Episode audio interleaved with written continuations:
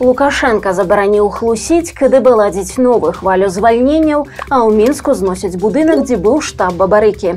Вітаем сябры, гэта наша ніва і зараз мы ўсё вам раскажам. Александр Лукашенко пачаў год з лёгкага ператраху.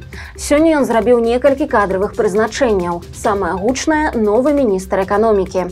Замест Александра Чарвякова, якога адправілі паслом у Кітай, прызначылі ягонага першага намесніка Юрыя Чабатара. Яму 44 гады, з якіх апошнія 20 ён працуе ў мінэканомікі і цяпер дарос да крэсла ягонага кіраўніка. Новаму прызначэнцу Лукашенко прызнаўся, што працай ведомства незадаволены і забараніў новаму міністру хлусіць, бо рана ці позна пра гэта ўсё роўна даведаецца. Но в основе вашей работы должна лежать исключительно правда. Никакого приукрашивания. Рано или поздно я это замечу. У меня достаточно для этого рычагов. Поэтому ни в коем случае не врать. Все как есть. Потому что если вы неточную информацию, мягко говоря, будете предоставлять мне, значит, будет неправильное управленческое решение. Вы это лучше меня знаете, как экономист. Таксама ў размове з чабатаром некалькі разоў былі згаданыя будучыя прэзідэнцкія выбары. Па словах Лукашэнкі ў гэтым няпростым годзе трэба запомніць людзей, што лепшай улады задзейную ўжо не будзе. І міністэрства эканомікі павінна адыграць у гэтым значную ролю. Таксама Лукашенко падзяліўся сваімі прагнозамі на будучыню. І як звычайна, нічога добрага ён не абяцае. Легко не будет. Будет тяжело, особенно в этом году. Не потому, что нынешний президент хочет быть и дальше президентом, не потому, что кто-то чего-то хочет. Мы просто людям должны еще раз доказать, что мы честно, искренне работали эти годы. Ну а если получится убедить людей в том, что лучше нас не будет. Говорю открытым текстом в начале года. И министерство ваше должно сыграть здесь существенную роль. Але з улікам цяперашняй сітуацыі выклікае пытанне, ці здольная гэтая ўлада прадэманстраваць сваю эфектыўнасць без хлусні, гвалту і фальсіфікацыі. І ці будзе ў беларусаў магчымасць выбраць сабе нешта іншае. І галоўнае, ці будуць да гэтага меркавання прыслухоўвацца. Таксама варта коротка згадаць і іншае прызначэнне. Замест затрыманага па малочнай справе Ігара Брыло інспектарам па віцебскай вобласці стаў Сергей Ляўковіч.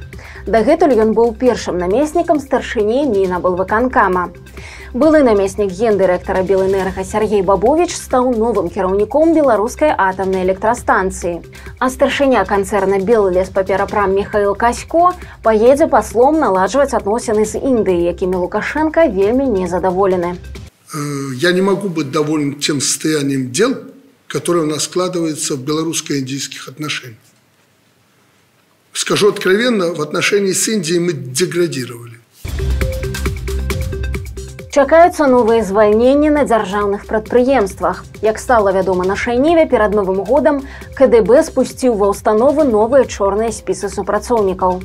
Ад кіраўніцтва патрабуюць звальняць людзей за ўдзел у акцыях пратэсту, данатаў, каментароў і іншых праяваў нязгоды з лукашэнкаўскай уладай. Вядома пра лісты ад КДБ ў банках, установах адукацыі аховы здароўя. Захаваць пасаду дазволяць толькі незаменным спецыялістам па пратэкцыі кіраўніцтва. Гэта далёка не першая хваля рэпрэсій. Ацаніць нават прыкладную колькасць людзей, якія трапілі пад звальненне за тры з паловай гады, немагчыма. У жлобіне рэпрэсавалі яшчэ аднаго чыноўніка. Пад раздачу трапіў начальнік аддзела спорту і турызму райвыканкама Яўгена Хрэменка. Яго затрымалі перад новым годам за падпіскі ў садсетках і адправілі на 15 сутак. Каб спраўдзіць інфармацыю, журналісты выдання флагшток пазванілі ў жлобінскі райвыканкам, дзе ім заявілі, што ахрэменкі на месцы няма і не будзе, бо ён з новага года ўжо не працуе. Яшчэ ў канцы снежня Хрэменка трапляў на фотараёнкі ў рэпартажы пра падрыхтоўку да хакейнага турніра. А цяпер пасля ары, што будзе вымушаны шукаць новую працу. Радасць і гора рэгора заронка. Учора раніцай прапагандыст гучна радаваўся навагоднім затрыманнем, якія зладзілі беларускія сілавікі. Але ўжо ўвечары настрою заронка радыкальна змяніўся. Бо YouTube зноў выдаліў заронкаўскі канал. Прычым ужо ў шосты раз. Праўда, прапагандыст не збіраецца здавацца і абяцае стварыць яшчэ адзін. Што ж, поспехаў. Тэлеканал НТ анансаваў выхад уласнага серыяла, які здымаўся на працягу ажно чатырох гадоў. У інтэрв'ю выданню СБ Беларусь сегодня кіраўнік канала Марат Маркаў пахваліўся, што хутка гледачам будзе прадстаўлены першы паўнавартасны серыял уласнай вытворчасці под назвай начная змена. Прычым пілотную серыю знялі яшчэ ў 2019 годзе. А далей, па словах Маркава, каналу было не да кіно. Тут, вядома, прапагандыст хітруе. АНТ зняла не адзін рэпартаж пра рэпрэсіі праціўнікаў Лукашэнкі, які быў больш падобны да мастацкага кіно, чым да дакументальнага сюжэта. У планах канала выпусціць паўнаметражнае кіно і прадаць прадукт на расійскі рынок. За месца ў мінгарсавеце будуць змагацца сталіністы пра расійскі палітолог. У папярэдніх выпусках мы расказвалі, што прапагандысты масава вылучаюцца на парламенцкія мясцовыя выбары. У некаторых выпадках ім даводзіцца змагацца нават адзін супраць аднаго. Так будзе ў курасоўшчыне, дзе ў спісе кандыдатаў апынуліся Мікалай Валовіч і Вадзім Баравік. Валовічу 38 гадоў. Ён камуніст са стажам, які адмаўляе сталінскія рэпрэсіі. Ягоны былы кіраўнік Ігар Карпенка ў бытнасці міністрам адукацыі ўзяў яго ў сваё ведомства спецыялістам інфармацыйна-аналітычнага забеспячэння, дзе ён працуе і дагэтуль. У 2020 годзе за ўхваленне празмернай жорсткасці сілавікоў валовіча збілі суседзі. Сёння камуніст піша калонкі ў адыёзную мінскую праўду і выступае экспертам у іншых лукашэнкаўскіх сМ. Ягоны супернік 45гадовы тэлеперсанаж Вадзім баравік. Ён гатовы выказвацца на любую тэму і ператвараць любое шоу у балаган. Калі коротка апісаць ягонае амплуа, то гэта гайдукевіч на мінімалках. Такі ж эксцэнтрычны самаўпэўнены, але харызма ўсё ж паменей. Баравік прытрымліваецца пра расійскіх пазіцый, а ў 2020 годзе быў давераны асобай Александра Лукашэнкі.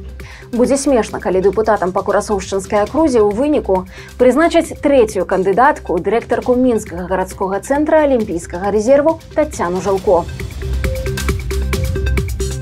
Урад загадаў буйному банку выдаваць ільготныя крэдыты на айчынныя тавары. Беларусбанк запусціў новы крэдыт народныя тавары. Яго будуць выдаваць на куплю мэблі, сантэхнікі, матацыклаў, мотаблокаў, бытавой тэхнікі іншых тавараў. Адзіная умова тавар павінен быць зроблены ў Беларусі. Максімальная сума крэдыту 12 тысяч рублёў, якія выдаюцца пералічэннем на рахунак прадаўца.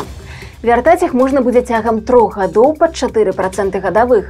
Займацца выдачай льготных крэдытаў Беларусбанк будзе па загадзе ўрада, які прымусіў банк накіраваць частку прыбытку за мінулы год на выдачу займаў на пакупку беларускіх тавараў. Пад гроднам перакуліўся катафалк. Спецтранспарт стаў яшчэ адну ахвяраў моцных снегападаў. Кіроўца мікрааўтобуса не даў рады кіраванню, машыну вылецела ў ківет і перакулілася. Сведкі паведамляюць, што катафалк быў пусты. У садсетках гарадзянцы моцна скардзяцца на слізкія дарогі. Для камунальнікаў стала вялікай нечаканасцю, што зімой можа выпасці снег, таму яны банальна не змаглі яго пачысціць. Усяго заўчора ў гродзенскай вобласці зафіксавалі больш за 20 ДТЗ. У цэнтры мінска пачалі знос былой мэблевай фабрыкі. На месцы будынка на рагу вуліц Масіма Богдановича і веры харужай пройдзе паўночная частка трэцяй лініі метро. Таксама там размесціцца станцыя камароўская. Пасля банкрутства фабрыкі ў памяшканні знаходзіліся крамы і офісы айці-кампаній і рэкламных агенстваў. Адметна, што летам 2020 менавіта там збіраўся штаб Віктара Бабарыкі і аб'яднаны штаб Святланы Ціханаўскай, Марэй Калеснікавай і веранікі цапкалы. Пасля выбараў офісы на непрацяглы час заняў круглы стол Юрыя Васкрасенскага стала вядома аб смерці ў беларусі яшчэ адной украінкі якую расіяне прымусова вывезлі з-пад кіева. 96гадовую жанчыну сакавіку 22 года эвакуявалі з барадзянкі пад кіевам у Беларусь. Там яе перадалі ў дом інтэрнат для састарэлых у ветцы по інфармацыі радыёвабоды ў чэрвені таго ж года яна памерла і была пахаваная на мясцовых могілках Ва ўкраіне ў жанчыны застаўся толькі ўнук. Нагадаем, што ў снежні мінулага года стала вядома пра смерць 15гадовай Арыны Яцюк, якую паранілі пры спробе эвакуявацца з-пад Кіева у пачатку вайны. Цела украінскай дзяўчынкі паўтара года праляжала ў моргу мазыра. Пасля было вернутае на радзіму ў парадку абмену. Вы не поверыце, але ў Санкт-Петербургу зноў гарэў беларускі аўтобус. На шчасце пасажыраў у салоне не было, а кіроўца блакітнага маза даў рады няштатнай сітуацыі пры дапамозе вогнетушыцеля. Сам аўтобус не пацярпеў. Беларускі транспарт гарыць у рассіі з зайздросным пастаянствам. Гэта становіцца прычынай разбіральніцтва, у якіх даводзіцца браць удзел нават лукашэнку. Як разнастаяць панылую прэс-канферэнцыю недарэчнымі пытаннямі.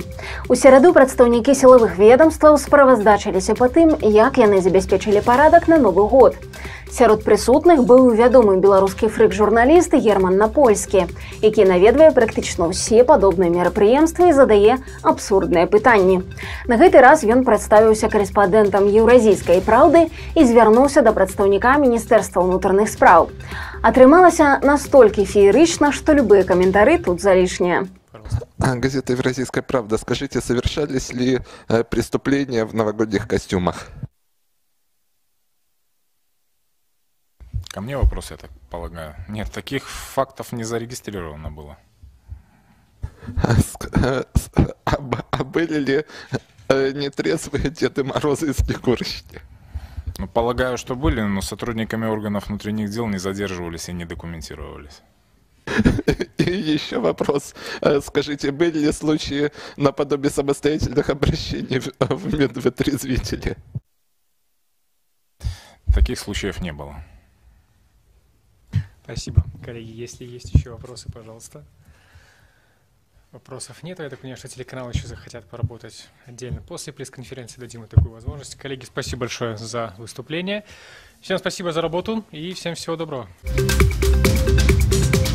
Такая картина дня. Подписывайтесь, оставьте свои лайки альбо дизлайки и выказывайте заваги в комментариях. И, конечно, читайте нашу ніву, глядите нашу ніву и любите Беларусь. Сустрэнемся завтра.